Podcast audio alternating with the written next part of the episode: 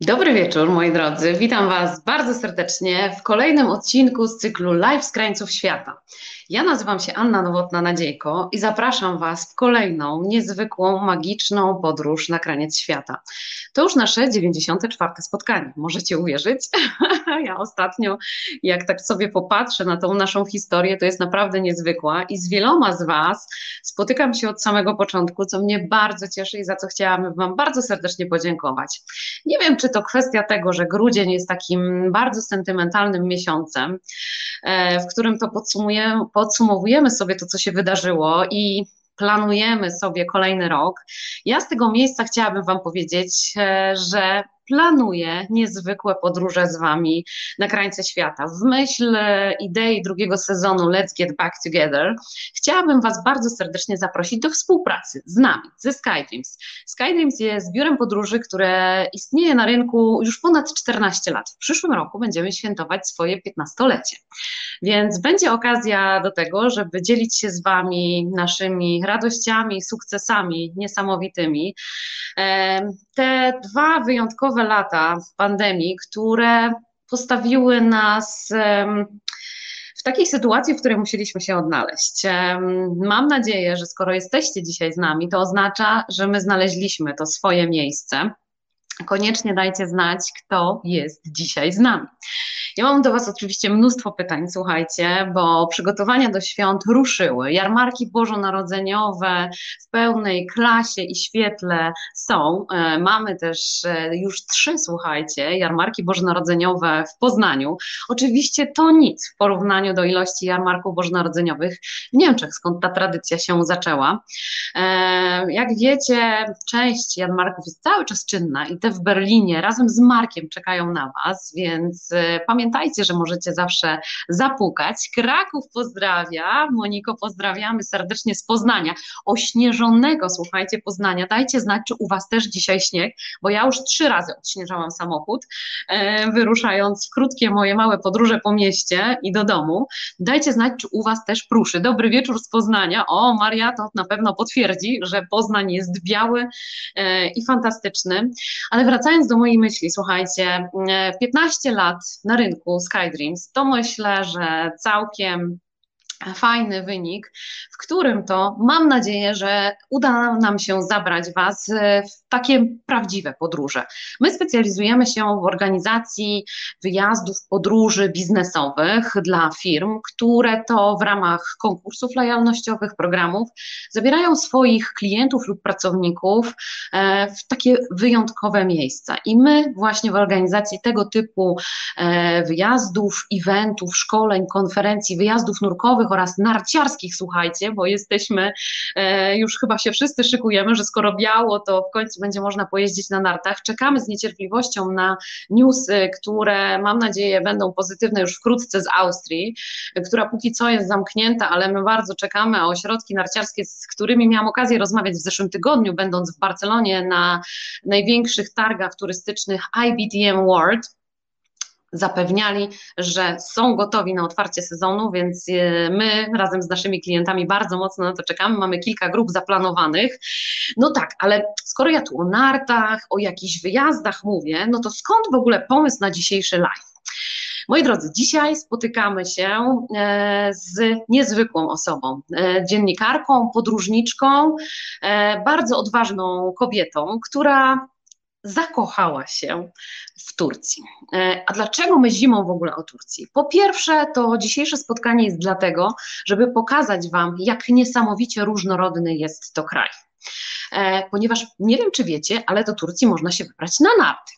Więc jeśli pojawią Wam się w trakcie naszej rozmowy jakieś pomysły na wyjazdy, to pamiętajcie, e, że jesteśmy do Waszej dyspozycji. Z przyjemnością przygotujemy dla Was wyjątkową ofertę. Jeśli będzie to wyjazd firmowy lub też dla grupy zorganizowanej, to my z pewnością będziemy w stanie Wam pomóc. E, jak już powiedziałam wcześniej, kilka lat doświadczenia mamy, e, fantastyczne kontakty z ludźmi tak naprawdę z całego świata, o czym przekonujecie się od momentu, kiedy wystartowaliśmy z naszymi live'ami, a powiem Wam szczerze, że to na pewno nie koniec, nie jest to nasze ostatnie słowo, poszykujemy kolejne ciekawe projekty, a Dlaczego w ogóle o wyjazdach mówię w grudniu? E, dlaczego o wyjazdach do Turcji? A mianowicie dlatego, moi drodzy, że koniec, przełom roku, tak naprawdę końcówka i początek roku to świetny czas na to, żeby zaplanować nowy konkurs, nowy projekt dla Waszych klientów, żeby zaplanować wyjazd. E, kupując wyjazdy teraz i decydując się na wyjazdy, słuchajcie, korzystacie z ofert tak zwanych first minute. Macie wybór, macie wybór dat, macie wybór hoteli. Zobaczymy, jak ten sezon będzie się rozwijał oczywiście, ale jest to dobry czas, żeby pomyśleć o wyjazdach, które planujecie w maju lub w czerwcu. Więc e, polecam serdecznie kontakt e, do SkyDreams, a my z przyjemnością zabierzemy Was w prawdziwą, wyjątkową podróż. Gro z nas e, jest już bardzo mocno spragnionych wyjazdów. Ci, którzy są tutaj razem z nami, to podróżują, dzielicie się z nami swoimi wrażeniami z podróży, które są teraz bardzo wyjątkowe. Nie ma jeszcze takiej masowej, dużej turystyki, chociaż mój gość z pewnością powie dzisiaj trochę coś innego o Turcji. Więc jeśli zastanawiacie się nad wyjazdem dla Waszych klientów lub pracowników, pamiętajcie, SkyDreams to dobry adres, żeby zapytać, a ja sprawdzę, moi drodzy, czy to już dobry czas, żeby przywitać się z moim gościem i czy jest z nami Marta. Dobry wieczór, halo, halo, Marta, Marta. Jestem, jestem. Dzień dobry, dobry wieczór, merhaba. Dobry wieczór. Witam Cię, moja droga, bardzo serdecznie i dziękuję za to, że znalazłaś chwilę, żeby z nami porozmawiać e, o tym magicznym dla nas obu, myślę, że miejscu na mapie świata, więc o Turcji. Nie takiej małej, prawda? Pod, powiesz nam, e, gdzie my tą Turcję na mapie znajdziemy i jaka ona jest duża w stosunku do Polski? E, Turcja jest dwa razy większa od Polski. I Turcję na mapie znajdziemy bardzo prosto, ponieważ to właśnie w niej zaczyna się Azja. To ten kraj, a właściwie Stambuł łączy dwa kontynenty. W Turcji mamy 3%, które znajduje się w Tracji, 97% znajduje się w Azji, także jeżeli chcecie pojechać do Azji, wystarczy polecieć do Turcji. Już jesteśmy wtedy na innym kontynencie. No i wspomniałaś o bardzo ciekawym wątku i o mieście, które mogę chyba już powiedzieć, że jest bliskie nam obu, a więc e, o Istambule, Stambule. E, nazwy występują obie i obie są poprawne.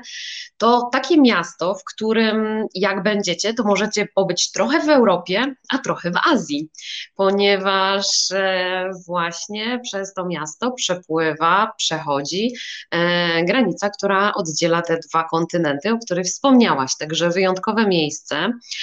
E, no właśnie, powiedziałaś o powierzchni Turcji, bo Turcja nie jest taka mała. Wielu z nas e, kojarzy Turcję z Antalią, Alanią, no może część z nas z częścią egejską, e, czyli Bodrum.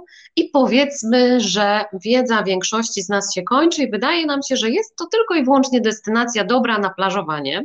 Nie zaprzeczam, absolutnie nie zaprzeczam, ale chciałabym, żeby nasza dzisiejsza rozmowa pokazała, jak wiele do zaoferowania ma ten kraj i dlaczego warto wybrać się gdzieś dalej. Jak zaczęła się Twoja przygoda, Marta, z Turcją?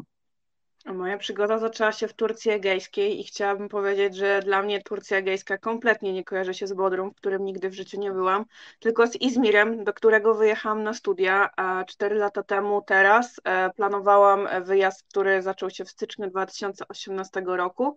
E, wyjechałam do kraju, w którym nigdy w życiu nie byłam, po prostu spakowałam walizki, stwierdziłam, że chcę lecieć do Turcji. Nie mam pojęcia, do dzisiaj nie potrafię odpowiedzieć na pytanie, dlaczego wybrałam ten kraj, bo pytali mnie zarówno o to Turcy, jak i Polacy, dlaczego nie pojechałam na przykład do jakiegoś kraju europejskiego. Wydaje mi się, że były one e, zbyt blisko i na wyciągnięcie ręki, a do Turcji mimo wszystko musiałam się nastarać, żeby wyjechać. Przyciągał mnie też od zawsze Orient, y, zawsze mnie nie wiedzieć czemu ciągnęło, jak oglądałam jakieś filmy czy programy chociażby o Dubaju, o zakupach, o dywanach, perfumach, pustyniach i tych wszystkich różnych orientalnych rzeczach, to ja wiedziałam, że bardzo by mi się tam spodobało ale kraje arabskie, muzułmańskie mogłyby być zbyt radykalne, więc ja sobie wybrałam środek, e, kraj i miasto, w którym łączy się zarówno Europa, jak i Azja i dlatego przeprowadziłam się do Izmiru i na studiach na Yashar University zaczęła się moja przygoda z Turcją. Bardzo wyjątkowa. Nie wiem, czy ogląda nas e, mój przyjaciel, który też właśnie w Izmirze mieszka, który wspiera nasze projekty, które realizujemy właśnie w części egejskiej e, Turcji, które mi się osobiście bardzo zawsze dobrze e, kojarzą. Poruszyłaś też bardzo ciekawy wątek, że ja też mam takie spostrzeżenia, że Turcji jest bliżej do Europy niż do pozostałych krajów arabskich, a wiecie, że e, bardzo lubię tą część świata. Wiecie, że e, kraje arabskie od zawsze mnie ciekawiły. E, moje pierwsze przygody pilockie to, to Egipt i kolejna zupełnie inna kultura niż ta nasza europejska, no bo tam swego czasu sporo takich wyjazdów właśnie firmowych się organizowało, właśnie do Egiptu, no i tak powoli, powoli, małymi, małymi krokami oczywiście dolecieliśmy też do Turcji. Jak my się w ogóle, powiedz Marta, możemy do Turcji dostać?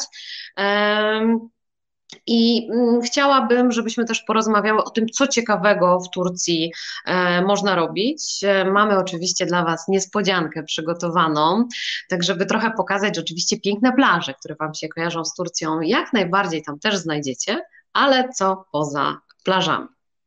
Okej, okay, także do Turcji e, dostaniemy się samolotem, tak będzie najszybciej. Z Poznania 3 godziny do Antalii a jeżeli ja zawsze latam z Berlina, także dla mnie to jest gdzieś 3,5. Ostatnio leciałam z Warszawy 2,5 do Stambułu, także maksymalnie 3,5 godziny dostaniemy się do Antalii, czyli do tego najpopularniejszego lotniska, które przyjmuje 2 miliony turystów w jednym sezonie. Także jest to ogrom ludzi. E, ogromne lotnisko nie jest niestety zbyt piękne, bo jest to zwykła hala, ale większość Polaków, którzy przyjeżdżają do Turcji na wakacje, rozpoczyna swoje, swój pierwszy etap, swoją przygodę właśnie tam.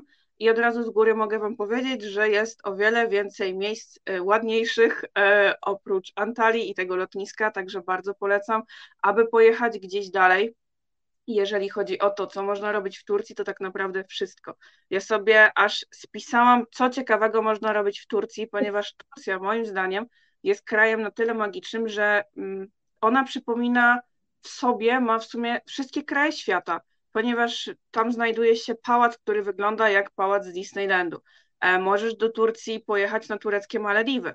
E, możesz pojechać do tureckiej Atlantydy, na jednej wycieczce w Alanii, na takiej Alania Sea Tour, możesz być pod ziemią, e, będąc w jaskini, możesz pójść na plażę Kleopatry, możesz pojechać e, nad rzekę, która ma 7 stopni, się w niej wykąpać, gdzieś obiad siedząc na rzece.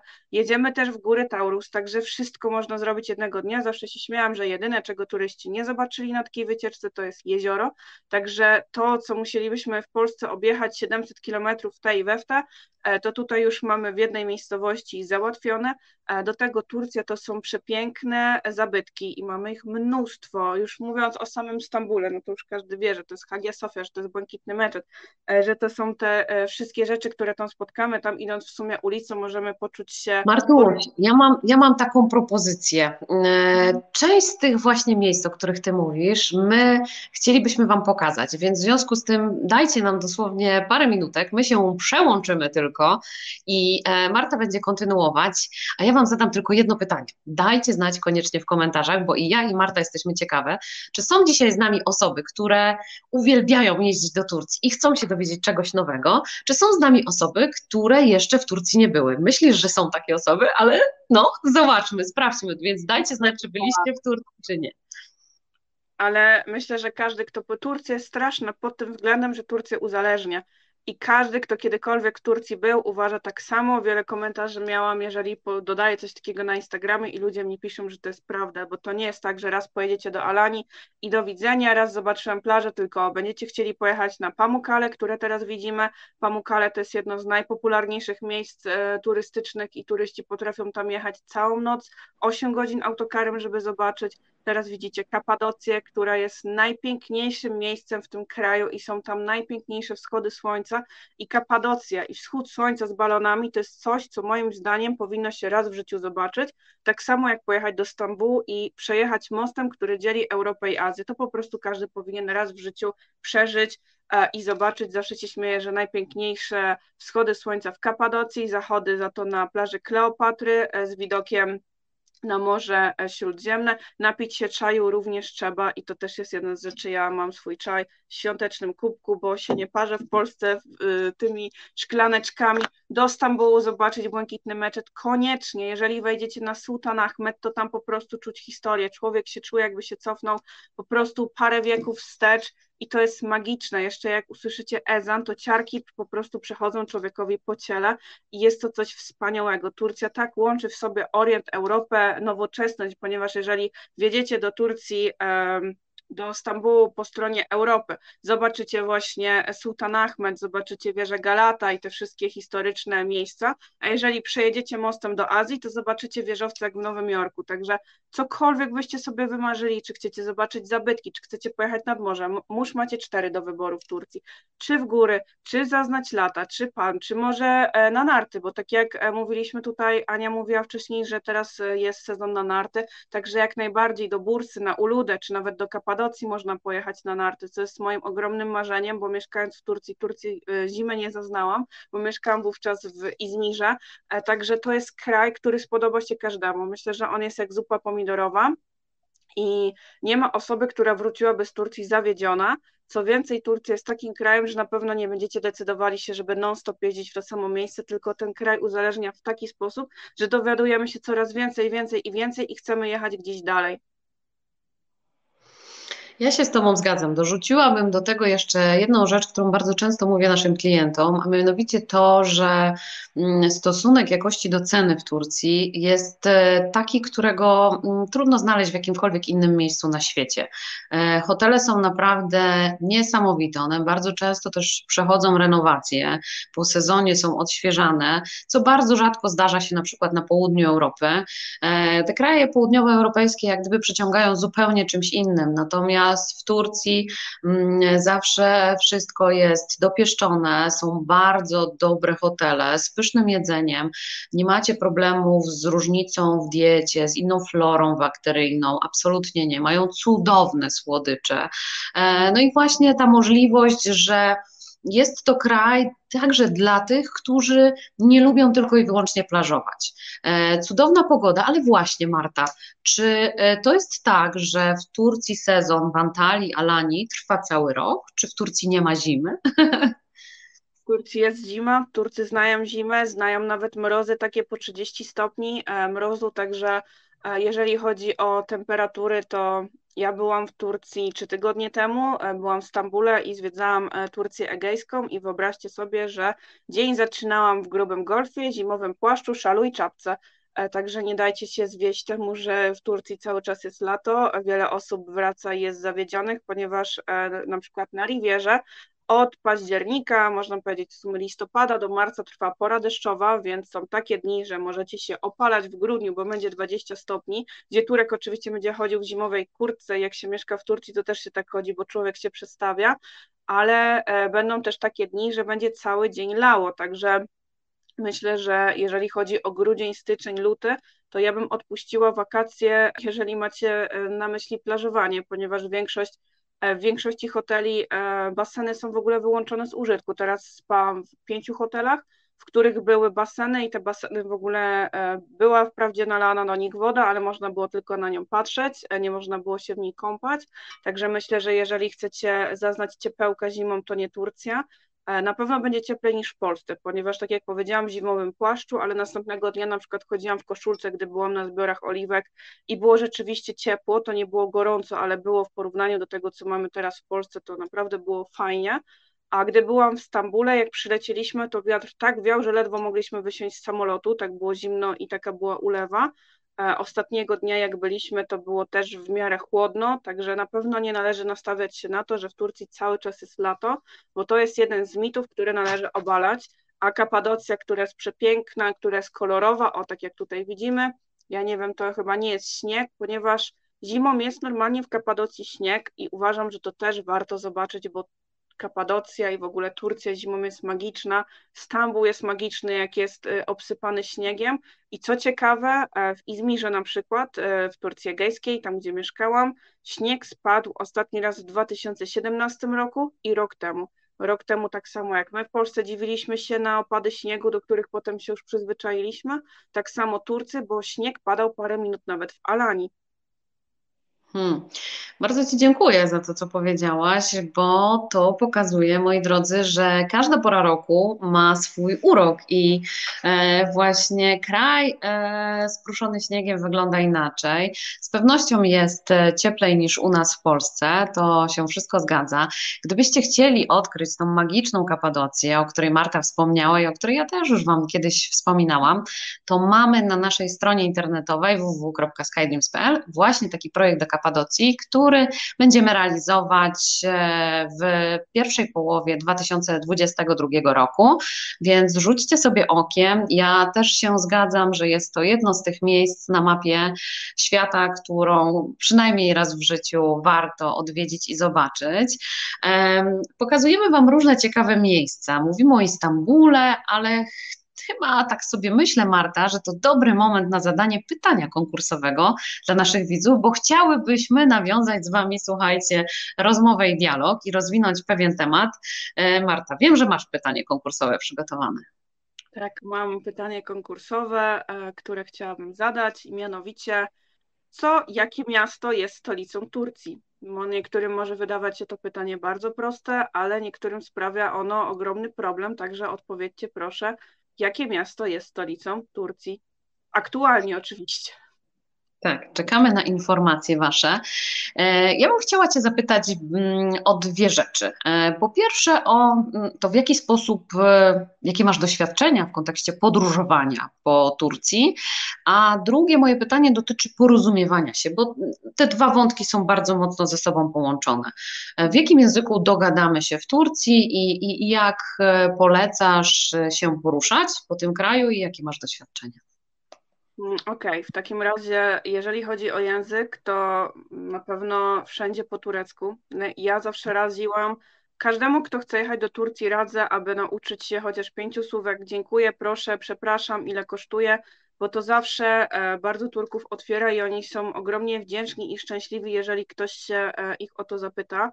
E, jeżeli chodzi o język angielski, no to sprawa wygląda tak, że o ile w Stambule, w Antalii, w Alanii dogadamy się spokojnie po angielsku, nawet kali mieć, kali chcieć, ale oni wam w jakiś sposób odpowiedzą, o tyle w Izmirze, mm jak ja się przeprowadziłam do Izmiru, to pierwszego dnia wracałam z płaczem do domu, ponieważ nie mieliśmy ani jednej liry, co też jest bardzo ważne, żeby będąc w Turcji, o mój Izmir właśnie pokazujecie, wierzę tego domu na Konaku, moje ukochane miejsce na świecie, jeżeli chodzi o Turcję, to ja zawsze polecam wymienić sobie mimo wszystko parę lir, bo ja wiem, że są e, mędrcy świata, którzy uważają, że w Turcji dolarami i, a to Alania za to, że dolarami i euro wszędzie się zapłaci. E, moi drodzy, nie, jenami, złotówkami również nie. Wiadomo, że w miejscach turystycznych jak najbardziej, ale jeżeli chcecie się już przemieścić z miasta do miasta, to koniecznie potrzebne są liry. Warto znać to pięć słówek, ale jeżeli chodzi o języki, to co ciekawe, prawie wszędzie dogadacie się po rosyjsku. Rosjan jest po prostu taki ogrom w Turcji, jeżeli chodzi o turystów, że Turcy byli zmuszeni nauczyć się tego języka.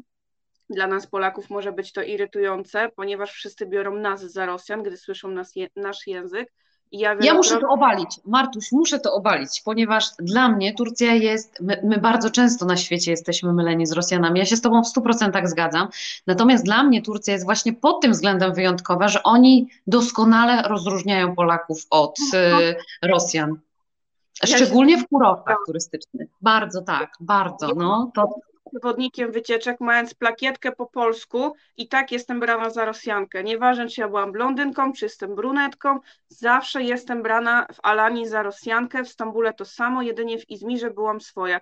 Izmir też za to bardzo kocham, bo tak jak mówiłam, oni po angielsku nie mówią, więc jak ja się nauczyłam tych paru słówek po turecku i się ich pytałam i w ogóle nawet takie jechałam metrem, bo oni kochają zagadywać ogólnie ludzi tak o, o, żeby sobie porozmawiać o niczym, o pogodzie, to zawsze każdy tam mówi do mnie po turecku, nawet nie, nie zaczyna w innym języku, tylko tam jestem brana za Turczynkę, ja zawsze jestem im bardzo za to wdzięczna, bo zawsze chciałam wyglądać jak Turczynka, a jeżeli chodzi o, o Rosjan, to ja niestety mam takie doświadczenia, że nawet idąc z polską grupą, zawsze każdy mówi mi zdrast i priwiet i już to jest pewne, że ja tam nie wejdę, ponieważ zawsze im tłumaczę, że dlaczego nie powiesz do mnie po polsku, a oni odpowiadają, przecież w Polsce znacie rosyjski, No i wtedy się zaczyna wielka rozmowa. Ja zawsze tłumaczę Turkom to w ten sposób, że oni nie znają arabskiego, a my nie znamy rosyjskiego. I oni wtedy się tak zastanawiają, no tak, no, no jeżeli mnie by ktoś wziął za Araba, to również bym się oburzył. No i wtedy im się klapki otwierają, dochodzi do nich, że jest taki kraj jak Polska, że mamy swój język, E, i myślę, że e, wielu już to wytłumaczyłam. Wprawdzie no, zdarza się, że ktoś krzyczy o cześć albo dzień dobry, ale zazwyczaj jest to priwiet, także no tutaj, jeżeli chodzi No mamy o... różne doświadczenia w tym zakresie, ale ja właśnie za to uwielbiałam Turków, że oni od razu wiedzieli i potrafią rozróżnić, bo dla nas oczywiście jest to oczywiste, natomiast e, dla wielu nacji w różnych miejscach na świecie, no właśnie nie do końca, my nie za bardzo lubimy być porównywani mi tłumaczą, że mam na przykład zielone oczy, dlatego. Ja mówię, no w Polsce też mamy zielone oczy, no ale nieważne. Koleżankę Czeszkę też brali za Rosjankę, ja ona zawsze się z nimi kłóciła, czemu na przykład nie za Niemkę, tylko za Rosjankę, także e, z Czeszkami też miałyśmy taki problem, ale abstrahując od tego, chcąc e, poruszać się po Turcji, tak jak mówiłam, najlepiej parę słów po e, turecku. Po angielsku myślę, że jeżeli chodzi o turystykę, PKS-y i tak dalej, to w miarę jeszcze się dogadamy. Jeżeli chodzi o stopa, no to już tak 5 na 10 myślę, że już ze słownikiem w ręku, po rosyjsku dosłownie wszędzie, a jeżeli chodzi o samo poruszanie się po kraju, to Turcja jest tak ogromna, że ma bardzo rozwinięte, tak samo jak i w Stanach Zjednoczonych, e, sieć lotnisk i można spokojnie poruszać się e, samolotami. Podam przykład. Gdy mieszkałam w Izmirze, mogliśmy jechać do Stambułu 12 godzin autokarem, albo lecieć 45 minut samolotem, także możecie się domyślić, na co się zdecydowaliśmy. Teraz przesłałam 45 minut ze Stambułu do Edremitu a, i chciałabym też dodać, że loty są bardzo tanie, ponieważ my za lot, to było wprawdzie 3 lata temu, ale my za lot ze Stambułu, z Izmiru do Stambułu i z powrotem zapłaciliśmy 100 złotych. Także moim zdaniem jest to bardzo tanio. Jeżeli chodzi o inny sposób przemieszczania się, to na pewno są to PKS-y, tak zwane PKS-y u nas w Polsce, ponieważ taki dworzec jest praktycznie wszędzie. To się nazywa e, Otogar i możemy sobie pójść tam, kupić bilet na miejscu, bo co ciekawe, w Turcji bardzo często te autobusy jeżdżą, bo to jest ich taki główny środek lokomocji pomiędzy miastami. I na przykład będąc w Alani, byście chcieli zobaczyć Antalię, czyli to większe miasto, albo w Antalii zobaczyć Alanię, wystarczy, że udacie się na taki turecki PKS. Na pewno zostacie zawołani, ponieważ e, kierowcy chodzą, krzyczą i wołają: Ja tu jadę do Mersin, do Adany, do Antalii, do Istambułu, także nie trzeba nawet, nie zdążycie nawet dojść do jakiegokolwiek punktu, a już zostaniecie zgarnięci przez nich i to akurat nie trzeba znać żadnego języka, wystarczy mowa, mowa ciała i to też jest najważniejszy język w Turcji w sumie, wystarczy pokazywać i zostaniecie doprowadzeni do autobusu, także ja gdzieś chcąc jechać nie przyjmuję się niczym, wchodzę z walizką na dworzec i od razu jestem przeprowadzona do autobusu, tylko daję gotówkę i nic mnie nie obchodzi, także nie ma się co przejmować, bardzo prosto podróżuję się po Turcji, jeżeli o to chodzi. Super. To oznacza, moi drodzy, że warto być otwartym. Te parę słów, ja się z Tobą w 100% zgadzam, że warto znać w ogóle wybierając się do jakiegokolwiek kraju, mm, szczególnie do takich krajów, które są bardzo relacyjne, bo Turcja należy do tych krajów, w których zanim zrobicie zakupy na przykład, jesteście zaproszeni gdzieś, żeby wypić herbatkę, bo dużo ważniejsze jest to, żebyście porozmawiali ze sprzedawcą, niż e, do końca, żebyście od nich kupili. Oczywiście to jest wszystko ważne, jest to część zakupów, natomiast e, my się często tego boimy i tak naprawdę nam się wydaje, jak przynajmniej jak obserwuję turystów, że jak przyjeżdżają, ale o co chodzi? Ja bym tylko szybko chciał wejść, wyjść i w ogóle e, mieć to załatwione. Jakie ty masz doświadczenia w kontekście zakupów i, i właśnie tego naganiania? Bo Polakom się tak trochę wydaje, że będzie tak jak w Egipcie, że będą ciągnięci do sklepu, e, gdzieś tam nagabywani. Jakie masz doświadczenia z Turcji? E, powiem tak, pytasz zawodową zakupocholiczkę. Ja mam fiana zakupów, e, także gdy ja weszłam pierwszy raz w życiu na bazar, tak jak mówiłam, ja w Turcji przed zamieszkaniem nigdy w życiu nie byłam, a w Izmirze pod moim blokiem był największy bazar w mieście, pięciomilionowym mieście, a akurat mi się tak trafiło, że Bostani Bazar był pod moim blokiem. Także jak weszłam tam pierwszy raz w życiu, byłam w szoku, gdy usłyszałam ten gwar, to nawoływanie, te bujrun, bujrun z każdej strony, ale nie ma opcji w Izmirze, przynajmniej na bazarze, żeby ktokolwiek ciągnął was za rękę albo krzyczał, albo nawoływał, że ty masz podejść do tego stanowiska, jak najbardziej decydujecie sami. Inaczej trochę sprawa wygląda na konaku, tam może ktoś do Was podchodzić, ale powiecie, że nie chcecie, a oni odchodzą, nie ma czegoś takiego. Ja też mówiłam wcześniej, że nigdy w życiu nie byłam w żadnym kraju arabskim, ale oprowadzałam turystów, którzy jak najbardziej byli i w Egipcie, i w Maroku, i w Tunezji. I ci turyści do mnie podchodzili, bo zawsze na końcu e, wycieczki mieliśmy godzinę na bazarze. Podchodzili i mówili, Pani Marto, tutaj to jest nic, wy tutaj to super się zakupy robiło, w Egipcie to nie da się żyć w ogóle, tam nie da się przejść po bazarze, tutaj to jest raj. Także niektórych będzie to irytowało, niektórzy to lubią, mi to już nie przeszkadza, zwłaszcza, że ja po prostu i mówię po turecku nie chcę i tyle i odchodzę dalej.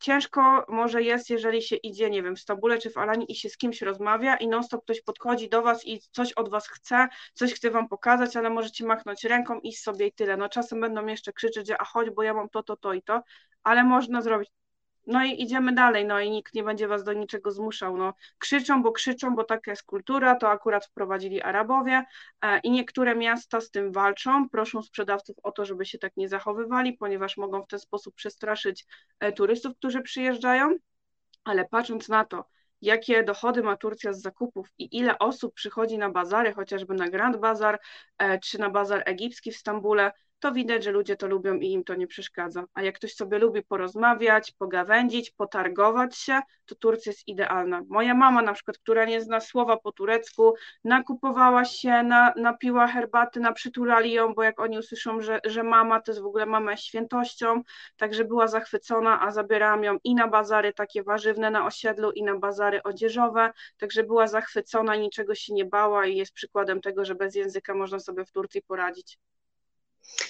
No, to ja się z Tobą w 100% zgadzam. Swego czasu Turcja kojarzyła się nam też z takim kierunkiem, do którego w sumie jeździło się bardziej w celach handlowych, tak zwanych, czyli żeby handlować złotem, skórami i różnymi, albo przywozić stamtąd towary, które później były takie bardzo cenne, których brakowało właśnie u nas w Europie.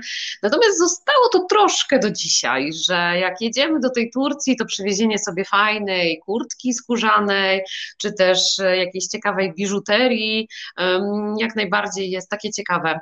Czy ty masz jakieś swoje patenty na zakupy? No bo jest to jednak bardzo ważny element każdego, myślę, że wyjazdu, e, czy to wyjazdu takiego grupowego, takich, takich, które my organizujemy, ale i też tych prywatnych, kiedy jedziemy po prostu na wakacje. Taka wizyta na bazarze w Turcji to po prostu e, obowiązkowy punkt programu. No więc y, jak się należy zachować na takim bazarze? Czy trzeba się targować? Jak to w ogóle wygląda w Turcji? Twoje patenty, Marta. Podziel się, za, zawodowa zakupocholiczko nasza. No moje patenty są trochę inne niż turysty, ponieważ ja w Turcji mieszkałam i mój chłopak zawsze śmieje się, że ja mam kartę z tego klienta do wszystkich tureckich sklepów, jakie istnieją. Jest to prawda. I do Migrosa, do Gratisu pierwsze co zakładałam e, to karty, ponieważ w Turcji są ogromne promocje, jeżeli chodzi chociażby o kosmetyki. I zawsze radziłam, że w Turcji wprawdzie jest na przykład Rossmann, ale Rossmann jest droższy przez to, że jest to sprowadzane z Niemiec, ale jeżeli o kosmetyki chodzi, to wystarczy pójść na przykład do takiego Gratisu, założyć sobie kartę stałego klienta na numer telefonu, telefonu i nagle wszystkie kosmetyki stają się o połowę tańsze, a patrząc teraz na kurs e, waluty, potrafimy kupić szampon sobie za 6 zł, jakiś oryginalny, także e, karty z tego klienta polecam serdecznie Marta Bramczyk, e, między innymi do Migrosa, ja w Migrosie zawsze kupuję hałwy, kupuję przyprawy, ja też już mam to tak obcykane, bo tak samo jak wiesz w Poznaniu, gdzie pójść, że tutaj sobie pójdę do galerii MM po to i po to, potem pójdę do kupca po to, do starego browaru po to, no to ja tak samo mam w Turcji, Turcji, zarówno w Alanii, jak i w Stambule, jak i w Izmirze, tam gdzie mieszkałam, tam gdzie jeździłam, ja po prostu wysiadając z samolotu już wiem, co komu mam kupić, po co iść i, i co zobaczyć, także e, to na pewno e, ale ja nie wiem, czy to trochę nie wynika jeszcze też z naszej pracy pilockiej. E, jeśli ogląda nas e, moja koleżanka Marta z Trójmiasta, którą bardzo serdecznie pozdrawiam, która jeździ z nami jako pilot, ostatnio do mnie dzwoni, słuchaj, kiedy będziemy mieli w końcu grupę do Maroka, bo ja wiem, gdzie tam na bazarze można kupić taką lampkę, którą potrzebuję do domu, a ja nie mam zielonego pojęcia, gdzie to znaleźć w Polsce, więc chyba mamy coś takiego wszyscy. Ja stewardessy, ona też po jakiś tam krem w Nowym Jorku sobie wysiada, tutaj po, po coś dla mamy, tutaj po coś, także jeżeli się podróżuje i się zwiedza kraje i się do nich wraca, jak jeżdżę do Belgii, do mojego brata, to ja też mam tam obcykane sklepy, wiem do jakiej iść restauracji, wiem do jakiego iść sklepu, ale wracając do zakupów w Turcji, jeżeli jesteście turystami, to na pewno pytać się o ceny w lirach, ponieważ ja zawsze uważam, niektórzy uważają, że to wcale nie jest prawdą, ale jeżeli zapytacie o cenę w lirach, to wydaje mi się, że ona jest zawsze mniejsza, bo jeżeli zapytacie się o dolary, jeżeli ktoś przychodzi od razu się pyta, a ile w dolarach, a ile w euro, no sprzedawca z góry zakłada, że jesteście z Europy, że jesteście bogaci, no bo macie dolary, macie euro i możecie się z nich wprawdzie targować, ale uważam, że nigdy nie wyjdzie to tak tanio jak e, w lirach. Jak najbardziej można się targować, ale z umiarem. E, wiadomym jest, że cena, która jest podana jako pierwsza, wywoławcza, to jest e, cena e, wzięta z kosmosu, także bardzo często można utargować się niżej, ale moja rada jest taka, żeby nie kupować od razu w pierwszym miejscu, do którego e, dojdziecie. Jeżeli macie oczywiście czas, no to przejść się dalej, bo często jest tak, że na wejściu na bazar coś wydaje nam się taniej, a w środku okazuje się, że jest to o połowę taniej, a ktoś jeszcze się targował. Tak zrobił mój Macie, jak kupował sobie koszulę w Stambule, pan już go prawie zabił, był tak wściekły, że e, musiał tę koszulę rozpakowywać i Maciejowi zrobiło się go żal, stwierdził, że kupi koszulę, po czym wyszedł, a już była utargowana, już tam godzinę siedzieliśmy na herbacie, na wszystkim, już myślałam, że tam zamieszkamy zaraz. No i wyszliśmy i gdzie indziej były te koszule o wiele tańsze, także żeby się nie zrobić, tak kolokwialnie mówiąc, w bambuko, e, warto się mimo wszystko przejść, dać sobie czas. Wiem, że turyści e, robią to w taki sposób, że pierwszego dnia wakacji idą na bazar, a kupują ostatniego. Jak już mają obcykane inne bazary, na przykład jak przyjeżdżali turyści z miejscowości dookoła Alani, e, z Side na przykład, oni mieli już tam obcykane bazary te pod hotelami i potem sobie porównywali ceny do Alani i albo kupowali tam, albo tam. I zawsze się zdarzali tacy, którzy przychodzili i mówili, Pani Marto, u nas na bazarze jest taniej, albo Pani Marto, ale to było tanio, albo już jadą i widzą te koszulki Hilfigera albo Diora za 5 euro i już po prostu oczy jak 5 złotych, żeby tylko wysiąść i iść na bazar. Ja zawsze się śmiałam, że na wycieczkach dla każdego coś miłego i, i się dzieci ucieszą, bo będą, e, będzie plaża, będzie jazda kolejką i mamy się ucieszą, bo pójdą na zakupy, także rodzi, e, tatusiowie się ucieszą, bo się najedzą tureckiego jedzenia, także każdy był szczęśliwy i myślę, że należy się przejść, jak najbardziej się targować, ale też nie wszędzie. Jest taka niepisana zasada, że jeżeli jest podana cena, która jest napisana, przyklejona, no to się nie targujemy, bo często powiedzą Wam, sprzedawcy, że już jest podana cena, a miałam kiedyś turystę, który przyszedł do mnie oburzony, że on był w sklepie w Migrosie i nie chcieli się targować z nim o wodę. Także no, mi po prostu szczęka opadła. Że no, czy targowałby się pan o wodę w Polsce? Nie, a no to no tutaj też nie wypada. Chodzi po prostu o takie targowanie z umiarem, bo to jest tradycja, to jest kultura, to nie jest nigdzie nałożone, że my, wy musicie się targować. Nie każdy też lu nie, lubi to, nie każdy chce, niektórzy się wstydzą, ale jeżeli macie ochotę, to wystarczy po prostu nic nie kosztuje zapytać się, czy można taniej, albo zaproponować cenę. No i tyle. No tak, tak wyglądają zakupy w Turcji. Wiadomo, że jak chodziłam po owoce i warzywa w Izmirze, to nie targowałam się, bo mi jest po prostu tych ludzi żal. Jeżeli ktoś mi sprzedaje tam nie wiem, jabłka za 50 groszy, to przecież ja się nie będę targowała od niego jeszcze o, o taniej, bo to jest jego sposób na życie, więc trzeba to sobie wyważyć. Hmm, super, bardzo cenne porady, e, bo mm, no jednak jedziemy jako goście do danego kraju, więc e, warto przygotować się troszkę, poznać e, lepiej kulturę i zwyczaje. Stąd też pomysł na te nasze spotkania i rozmowy z wyjątkowymi gośćmi. Jeśli temat Turcji Was zainteresował, to koniecznie musicie zajrzeć też na bloga do Marty. Marta, powiedz gdzie i jakie informacje można u Ciebie znaleźć, bo to jest bardzo ciekawe, e, warto zanim się wybierzecie do danego kraju, troszkę jednak sobie poczytać. Jak najbardziej. Ja piszę i poradniki, i przewodniki, ale mój blog jest w budowie, dlatego w tym momencie chciałabym odesłać Was na mój Instagram e, Abrams i na Facebooka, który jest oznaczony teraz też na tym live, który nazywa się Abrams on Tour i identycznie nazywa się blog, ale niestety e, mój poznański projektant stron cały czas ją tworzy, także na tą, która znajduje się tam aktualnie nie polecam wchodzić, bo ona jeszcze nie jest tą docelową, ona jest cały czas w budowie, ale gdy tylko się pojawi, zostanie to ogłoszone, więc zapraszam na Damy Facebook. Tak, dziękuję. Zapraszam na Facebooku Abrams on Tour, zapraszam na Instagramie Abrams oraz na onet.pl, na którym również możecie czytać o Turcji moje teksty, ponieważ jestem dziennikarką podróżniczą. Super, bardzo dziękujemy. Takie adresy są bezcenne i warto je znać e, wcześniej, zanim się gdzieś wybierzemy. Marta, jakie ty masz doświadczenie z Turkami? Jacy oni są e, dla nas? E, ja lubię o to zapytać kogoś, kto mm, ma doświadczenia właśnie w mieszkaniu w Polsce i jakiś czas nie jako turysta właśnie wyjechał, bo jednak turyści mogą mieć zgoła odmienne e, skojarzenia czy też wrażenia, ale jak już się tam mieszka, jak z nimi się obcuje, szczególnie tak jak wspomniałaś, jak e, mieszka się w takich e, no, nieturystycznych do końca miastach, mimo że duży, bo Izmir, tak jak wspomniałaś, pięciomilionowe miasto, ale no, jednak nie jest to tak turystyczne mm, miejsce jak e, Antalya, Alania czy, czy Bodrum. Jakie ty masz doświadczenie? Jacy są Turcy i czy są jakieś normy zachowania, o których warto, żebyśmy wiedzieli, żeby nie popełnić takiego turystycznego czy po prostu zwykło ludzkiego fopa? Mm. Ja mieszkałam, tak jak mówiłaś, w Izmirze, który jest kompletnie nieturystycznym miastem. E, do Izmiru warto pojechać albo z przewodnikiem, który niedługo napisze, albo e, po prostu zwiedzać go z lokalsem, ponieważ on jest tak bardzo rozwleczony, że jeżeli chcielibyście przyjechać sobie tak o, e, to trudno będzie Wam znaleźć wszystkie atrakcje, które można tam zobaczyć. A jeżeli chodzi o Turków, to ja Turków uwielbiam i się z tym nie kryję, że uwielbiam tę mentalność, mimo że mnie ona irytuje w wielu, wielu miejscach, ponieważ ich jawasz, jawasz, czyli powoli, powoli, albo inshallah, jak Bóg da, doprowadza mnie do szału, jeżeli czeka się na przykład na dowód osobisty przez pół roku, na wyrobienie go, e, mimo że wystarczyło podpisać jedną rzecz, e, to Turcy są po prostu uroczy. No, przytoczę sytuacja, jak po prostu tam przyleciałam i przyjechał po nas mentor, który e, zawiózł nas po całym mieście, zabrał nas na kebaba, zaprowadził nas do naszego mieszkania. E, dzień później właściciel mieszkania Turek zawiózł nas przez pół miasta, tam było 15 kilometrów na Bornowe z Karszyjaki, gdzie mieszkałam. Zawiózł nas samochodem, żebyśmy nie musieli się e, gubić po mieście i odnajdywać go.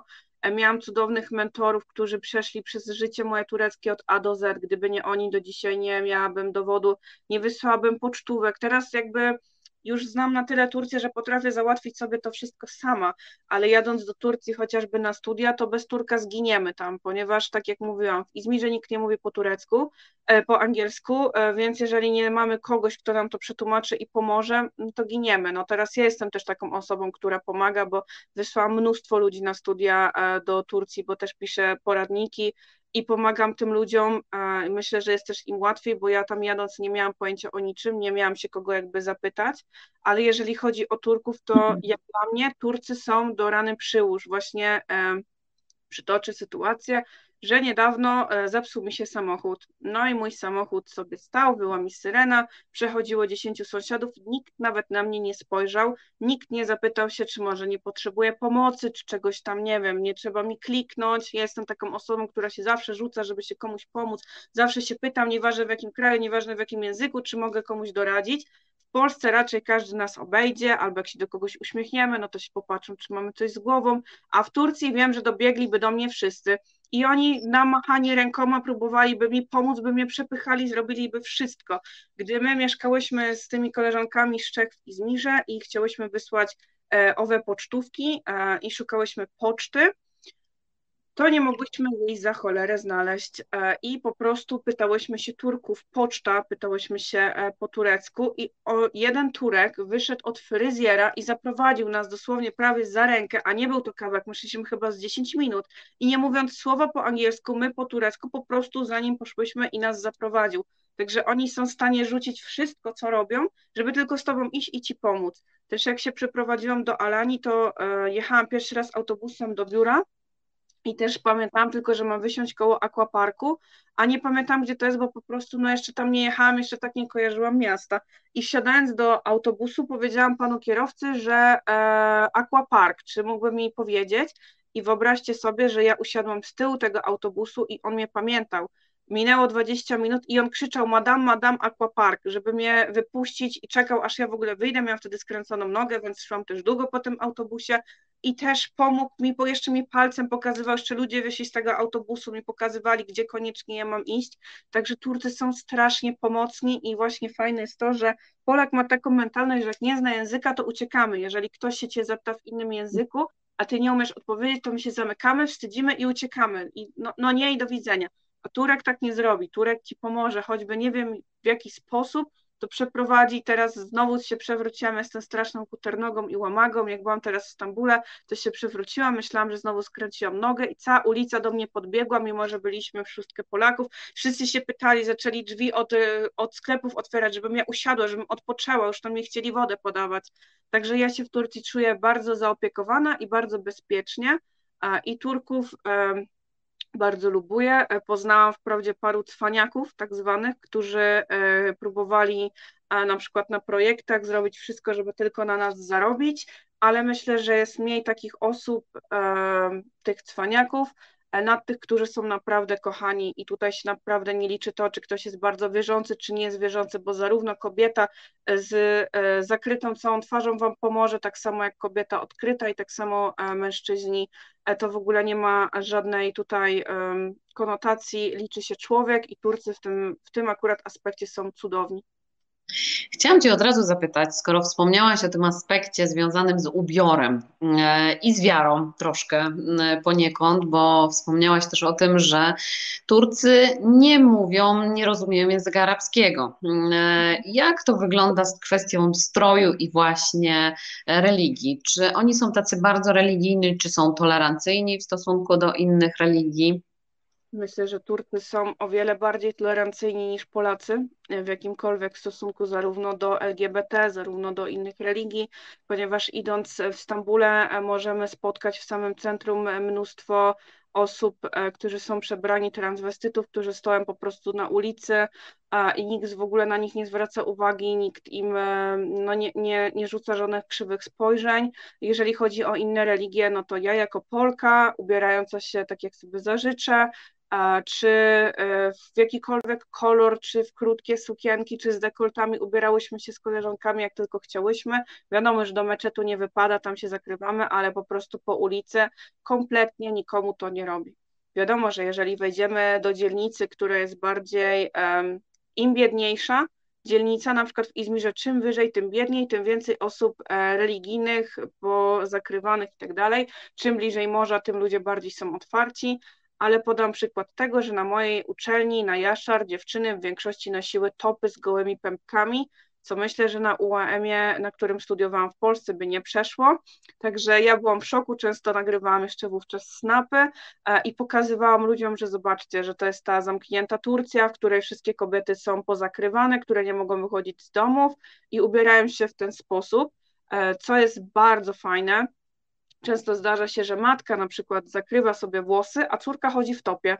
Takie często zdarza się w Izmirze, e, bo Izmir jest, tak jak mówiłam, bardzo zlaicyzowanym miastem, bardzo zeuropeizowanym i um, uważam, że Turczynki i zarówno Turczynki, jak i turystki mają e, dowolność wyboru. Możemy chodzić ubrane jak chcemy i nikt nie ma prawa zwrócić nam e, ku temu uwagi, tylko i wyłącznie wchodząc do meczetu czy na cmentarz czy do e, innych miejsc świętych, gdzie tego wymaga e, tradycja i religia, musimy zakryć włosy, musimy zakryć e, ręce i kolana, my kobiety, mężczyźni tylko ręce i kolana, wszyscy ściągamy buty i to tyle. A tak poza tym nigdy w życiu nie czułam żadnych spojrzeń, ubierając się latem po, po letniemu po prostu na krótko, bo było w Alanii tak gorąco, że nie wytrzymałabym w czymkolwiek długim i nigdy nie spotkałam się z żadnymi uwagami z, tego, z tej okazji.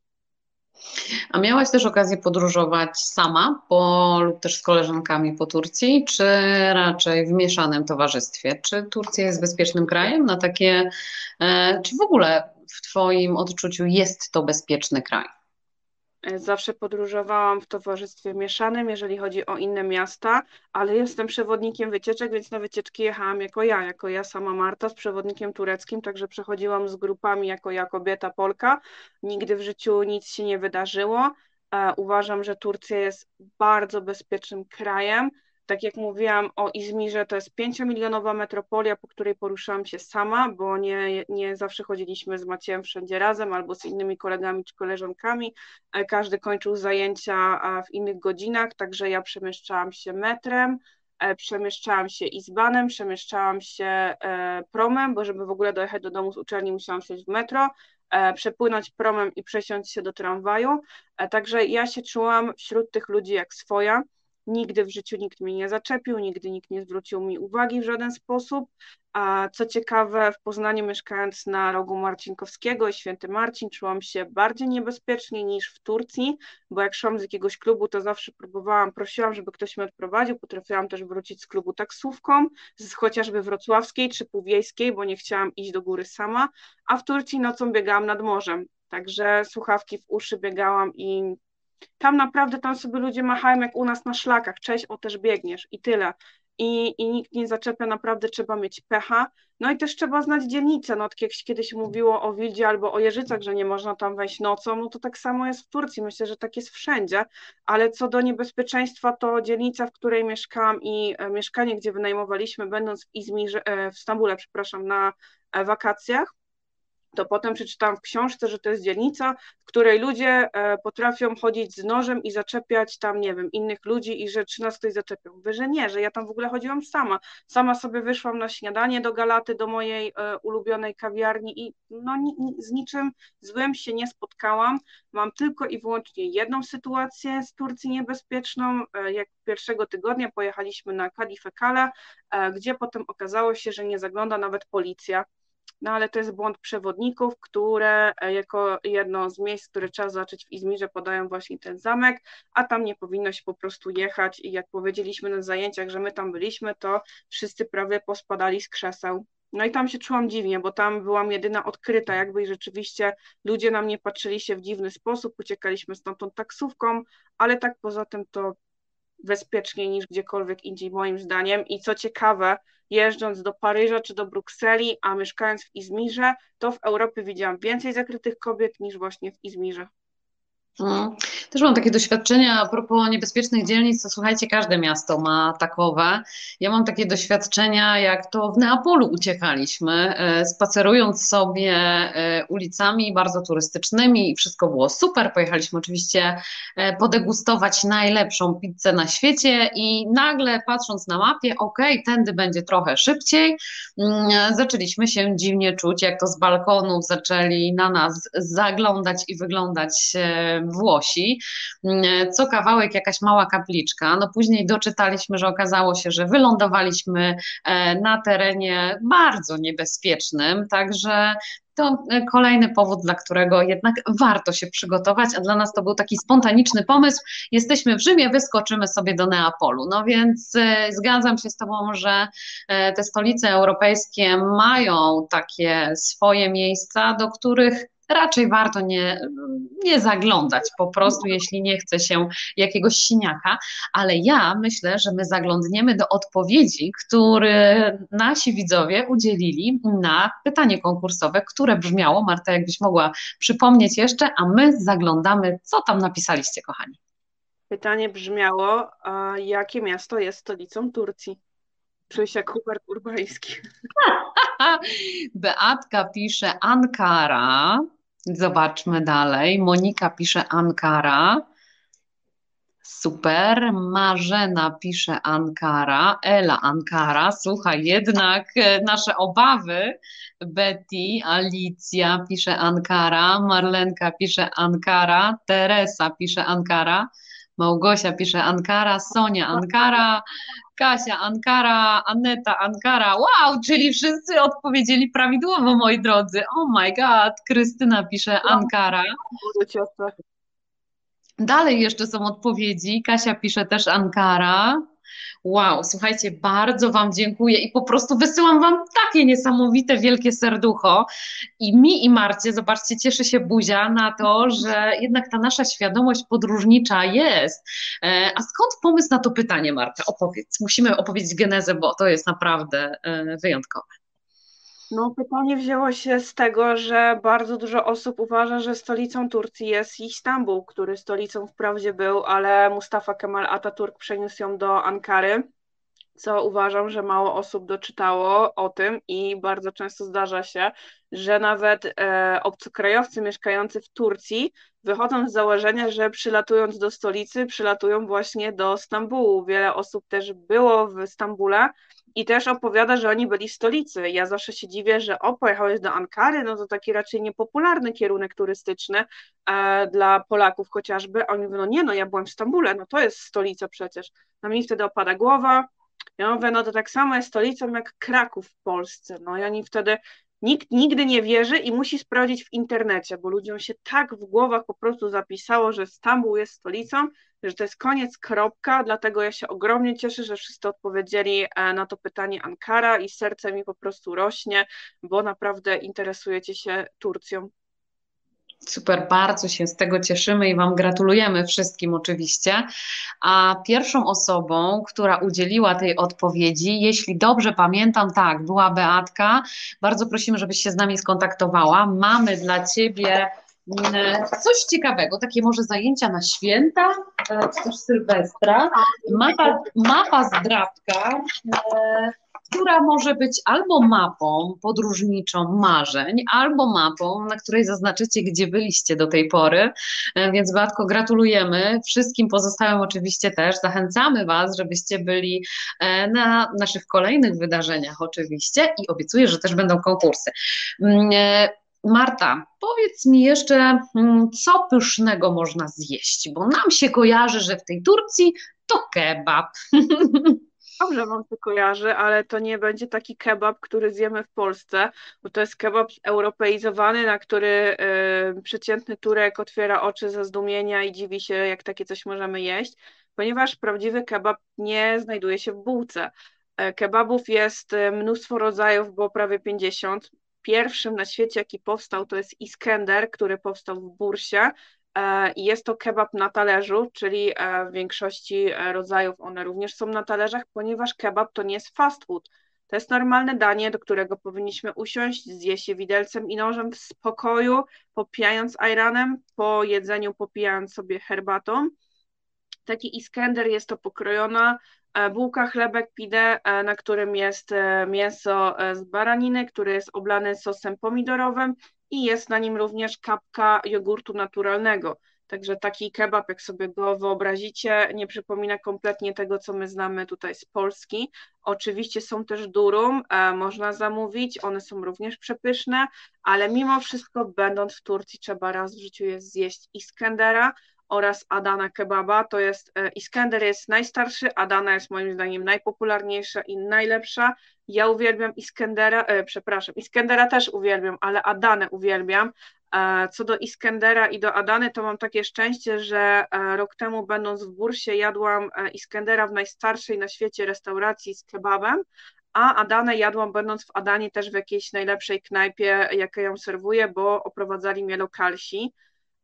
Bardzo polecam też zatrzymać się na tureckich lodach, czyli Marasz Dondurma, lodach z kozy, tak nazwanych przez moich turystów, którzy, które wcale nie smakują jakoś inaczej, jeżeli martwicie się e, zapachem czy smakiem mleka, ale mają kompletnie inną konsystencję, dlatego właśnie Turcy mogą tak nimi przerzucać, one z nich się robią takie e, wielkie e, formy i na pewno widzieliście kiedyś takie show, jak oni tam stukają, przerzucają tymi lodami, E, w nich znajduje się guma arabska, e, dzięki czemu są to jedyne lody na świecie, które je się widelcem i nożem. Jeżeli zamówicie takie e, w kostce Maraż Dondurma w kawiarni, jeżeli takie na wafelku, to je się gryzie, a nie ich się nie liże, no bo się po prostu ich lizać nie da.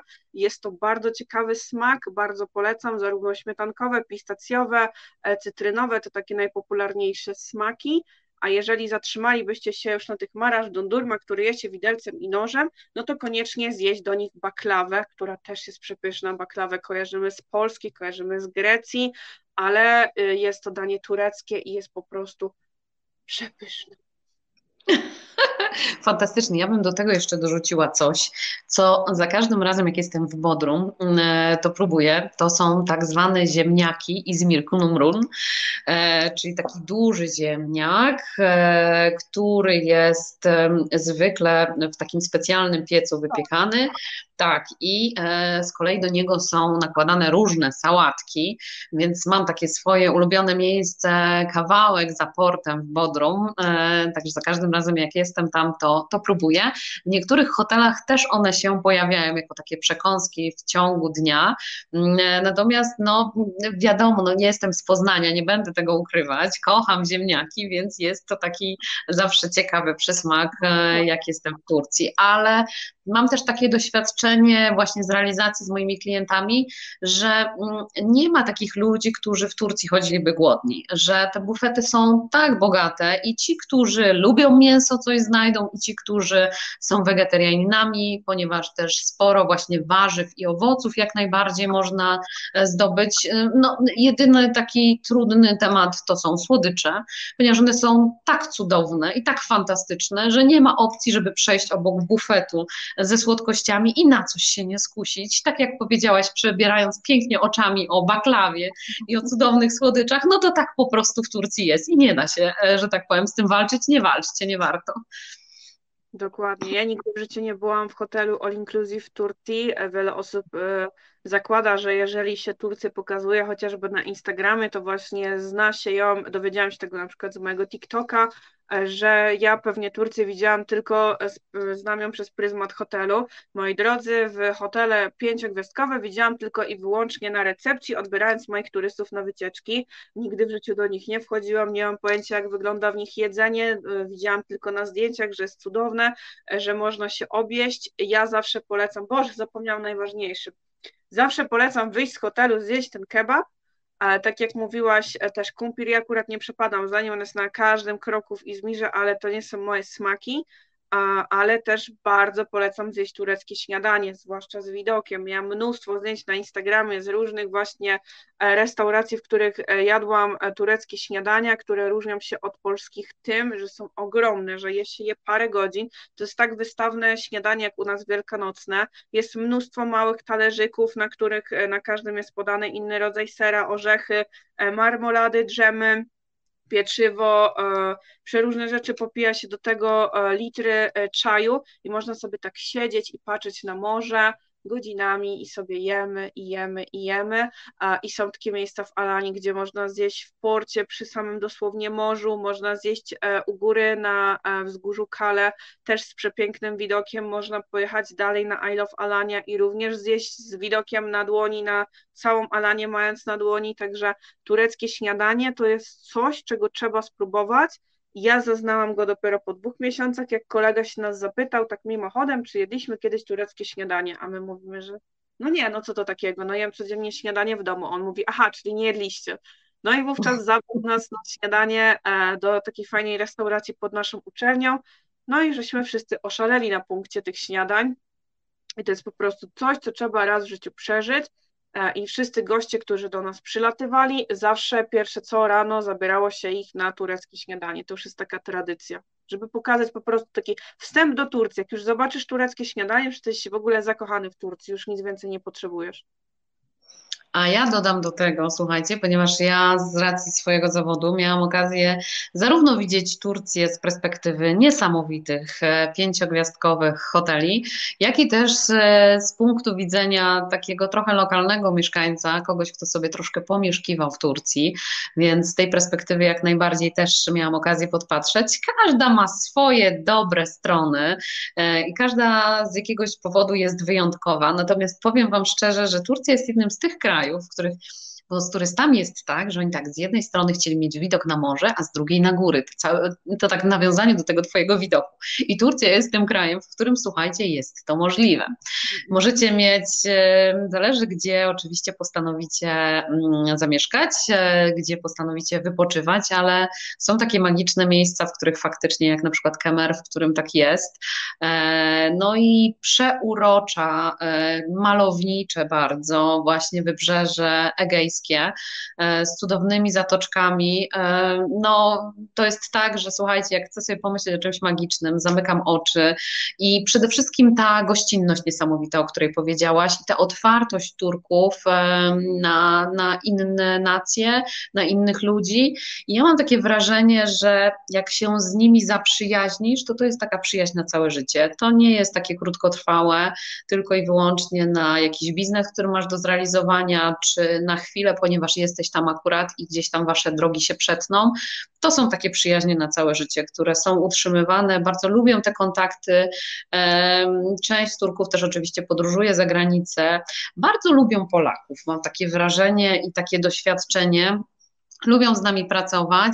Oczywiście zgadzam się z Tobą, że w Turcji jest bardzo dużo Rosjan, także wybierając dany hotel, słuchajcie, warto się zapytać, jakie nacje e, są e, głównymi turystami, które tam przyjeżdżają, ponieważ są prowadzone takie dane, takie statystyki, więc e, warto sobie rzucić okiem, ponieważ każda z nacji lubi i wypoczywać troszeczkę inaczej, więc zanim wybierzecie ten właściwy hotel dla siebie, zobaczcie, gdzie on jest położony, kiedy został wybudowany i tak naprawdę kto wybiera się tam na wakacje. Warto to sprawdzić.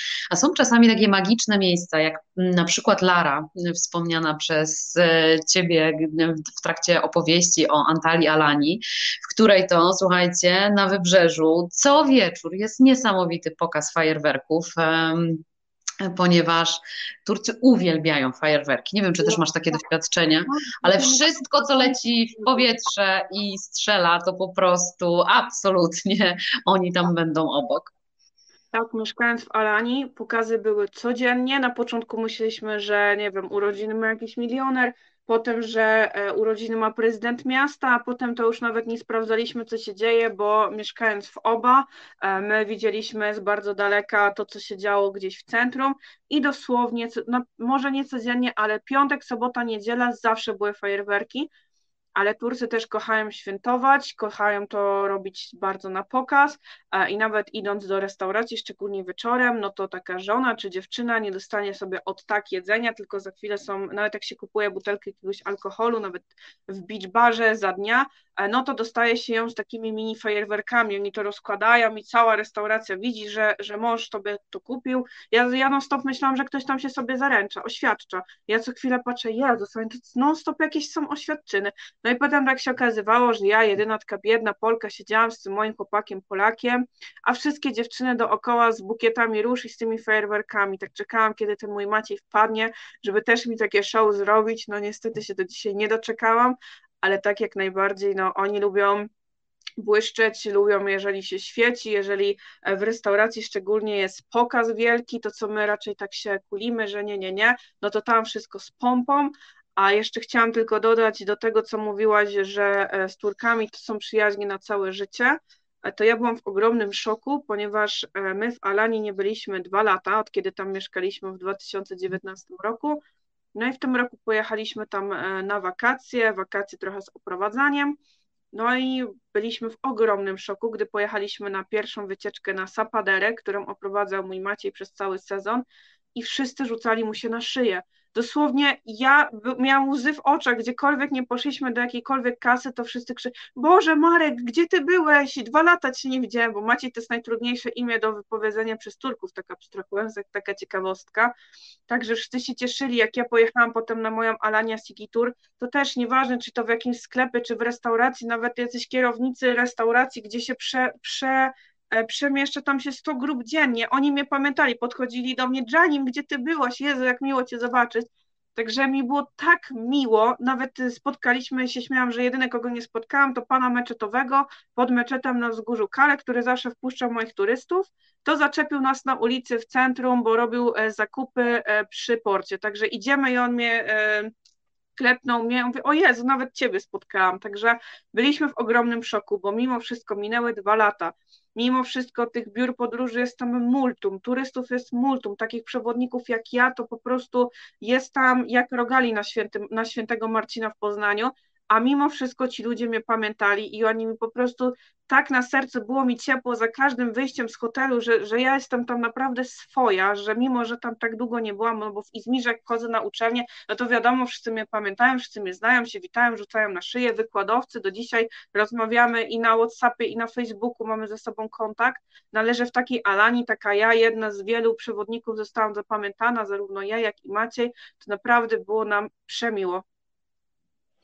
Zgadza się, podpisuję się pod tym.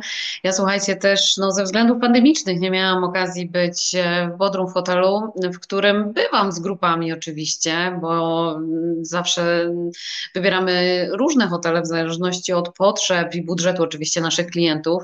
I mam podobne doświadczenie. Jak przyjechałam po dwa i pół roku do tego samego hotelu, to nawet obsługa hotelowa, e, słuchajcie, świetnie pamiętała, witała się i, i to jest faktycznie takie bardzo miłe, kiedy wracasz w dane miejsce, które jest ci bliskie i jeszcze osoby, które tam są i funkcjonują, no przecież w takich hotelach to się przewala po prostu e, miliony turystów, e, więc faktycznie miłe jest jest to, kiedy ktoś Cię pamięta i kiedy też ten zespół jest stały tak naprawdę, czy tam szef kuchni na przykład, mm, czy ktoś, kto jest szefem recepcji. To są takie bardzo miłe spotkania. Martuś, ja bym chciała Ciebie zapytać jeszcze na koniec, jaką pamiątkę w takim razie przywieźć z Turcji sobie warto? Co byś poleciła naszym widzom? Koniecznie oko proroka, które wygląda o tak. Tu mam jeszcze jedno oko proroka. To jest, gdzie jest ta kamera? Tu. To o, to jest oko pro... tu. To jest oko proroka. No, jak już jesteśmy przy biżuterii, to oczywiście można zakupić tam e, biżuterię, zarówno taką tanią bazarową, jak i złoto. E, wiem, że złoto w Turcji jest tańsze, bo turyści często e, chodzili je kupować. Ja na złocie się kompletnie nie znam, więc tu Wam nie podpowiem, ale wiem, że wracali z biżuterią. Można przywieźć jak najbardziej lokum, hałwę, szale, tak jak mówiłam, biżuterię kosmetyki z oliwy, szczególnie durum, przyprawy, e, szczególnie, że one są tak pięknie pakowane na takich talerzach, także jeżeli komuś chcemy na prezent, to zarówno przyprawy, jak i herbaty e, można kupić, tylko że te herbaty pakowane tak owocowe to jest sam cukier, więc to raczej do ozdoby, ale taką herbatę turecką również. Do tego czajwarnik trzeba byłoby kupić, ale to jest mega tanie, jeżeli komuś zależy na tym, żeby sobie robić turecką herbatę, to za 15 zł nawet można e, taki czajnik ze sobą przywieźć. Kawę po turecku można kupić, koniecznie magnesy, kartki, e, żeby mieć pamiątkę. W Stambule są one przepiękne, w Alani niestety i w Izmirze nie. E, lampki Alladyna, takie jak pokazywałaś e, na prezentacji, oraz lampy stykwy. Lampy stykwy są bardzo popularne w Alani. Nie są wcale to drogie rzeczy, bo można za 50 zł kupić przepiękną lampę malowaną ręcznie. Jeżeli chce się urządzić mieszkanie jakoś orientalnie, to jak najbardziej. E, no i ja też zwożę z każdym rokiem coraz więcej e, naczyń, czyli jakieś szklaneczki, miseczki. Ja to e, cały czas tutaj ściągam i mam zamiar kiedyś dom urządzić orientalnie najbardziej jak się tylko da.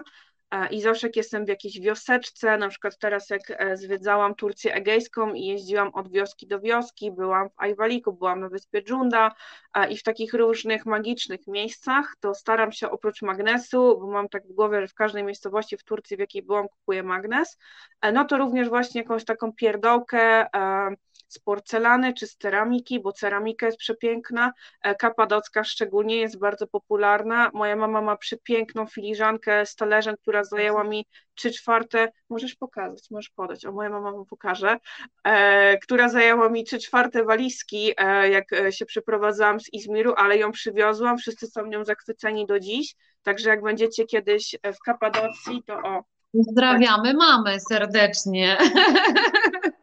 Piękna. Wzory osmańskie, e, koniecznie w tulipany. I w taki sposób można sobie, trzymaj z powrotem, dziękuję, e, w taki sposób można sobie dom urządzić i można e, to zwozić i albo komuś dawać, albo mieć tutaj. I to są takie rzeczy, które zawsze jak na nie spojrzymy, no to będą nam się kojarzyły z Turcją i są po prostu przepiękne. To prawda. Bardzo Ci dziękuję za tą przepiękną opowieść e, o Turcji. E, sposób, w jaki o niej opowiadasz, e, mam nadzieję, że tych, którzy jeszcze nie byli w Turcji, przekonałaś do tego, że warto zaplanować sobie wyjazd właśnie do Turcji. Ja przypominam Wam, moi drodzy, że mm, mamy taki projekt, do którego chcielibyśmy Was zaprosić, na który można się z nami zapisać. To jest projekt wyjazdu właśnie do Kapadocji, połączony z wizytą w Istambule. Naprawdę naprawdę magiczny. Być może uda nam się spotkać z Martą w trakcie tego projektu, zobaczymy. E, póki co odsyłam Was, moi drodzy, do artykułów, które Marta pisze na temat Turcji. E, pokazuje Turcję widzianą swoimi oczami. My dzisiaj opowiedziałyśmy o niej, każda z innej perspektywy, ponieważ każda z nas pracuje troszeczkę inaczej e, w Turcji.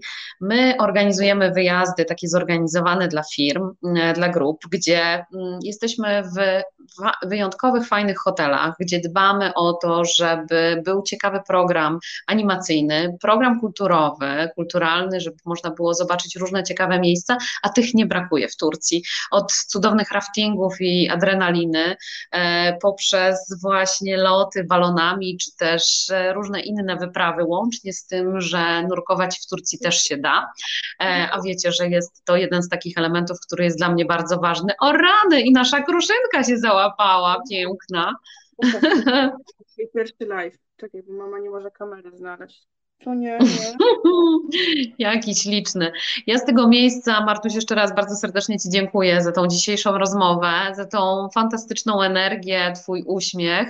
Ja zapraszam Was, moi drodzy, za tydzień. E, nie wiem, czy ktoś z Was był na Azorach, czy nie, ale za tydzień porozmawiamy sobie właśnie o Azorach, e, magicznych dziewięciu wyspach, e, gdzie one są położone, co tam ciekawego można robić. O tym już za tydzień.